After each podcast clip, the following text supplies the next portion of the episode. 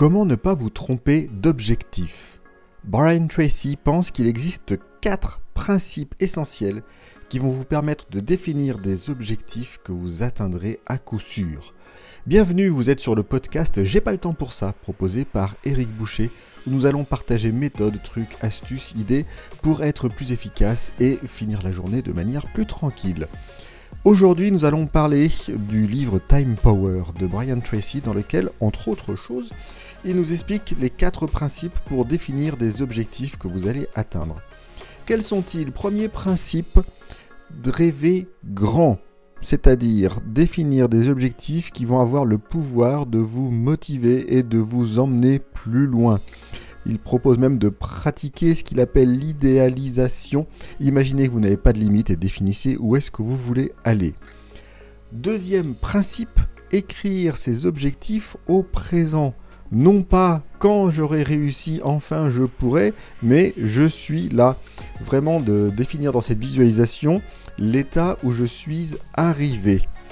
Ce qu'il veut dire aussi, il propose deux sous-éléments réécrire vos objectifs de manière quotidienne, donc les revoir, et les réaffirmer de manière régulière. Troisième principe, garder les objectifs équilibrés.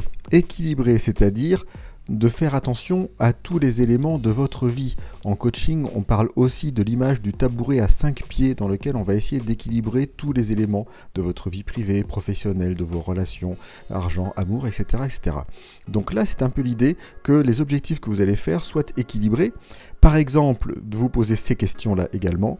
Qu'est-ce que vous voulez réellement, que ce soit des objectifs business, carrière, financiers, on en a parlé, et pourquoi est-ce que vous voulez vraiment atteindre ces objectifs, qui est aussi une question intéressante, complexe, comment vous allez faire pour les atteindre également, quels sont les moyens que vous allez vous donner?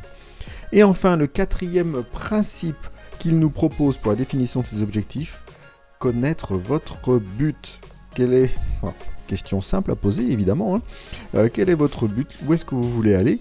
Ce qui va vous permettre bien évidemment de jauger ou de juger les, objectifs que vous avez fixés avec ce principe-là. Donc quatre principes proposés par Brian Tracy dans Time Power.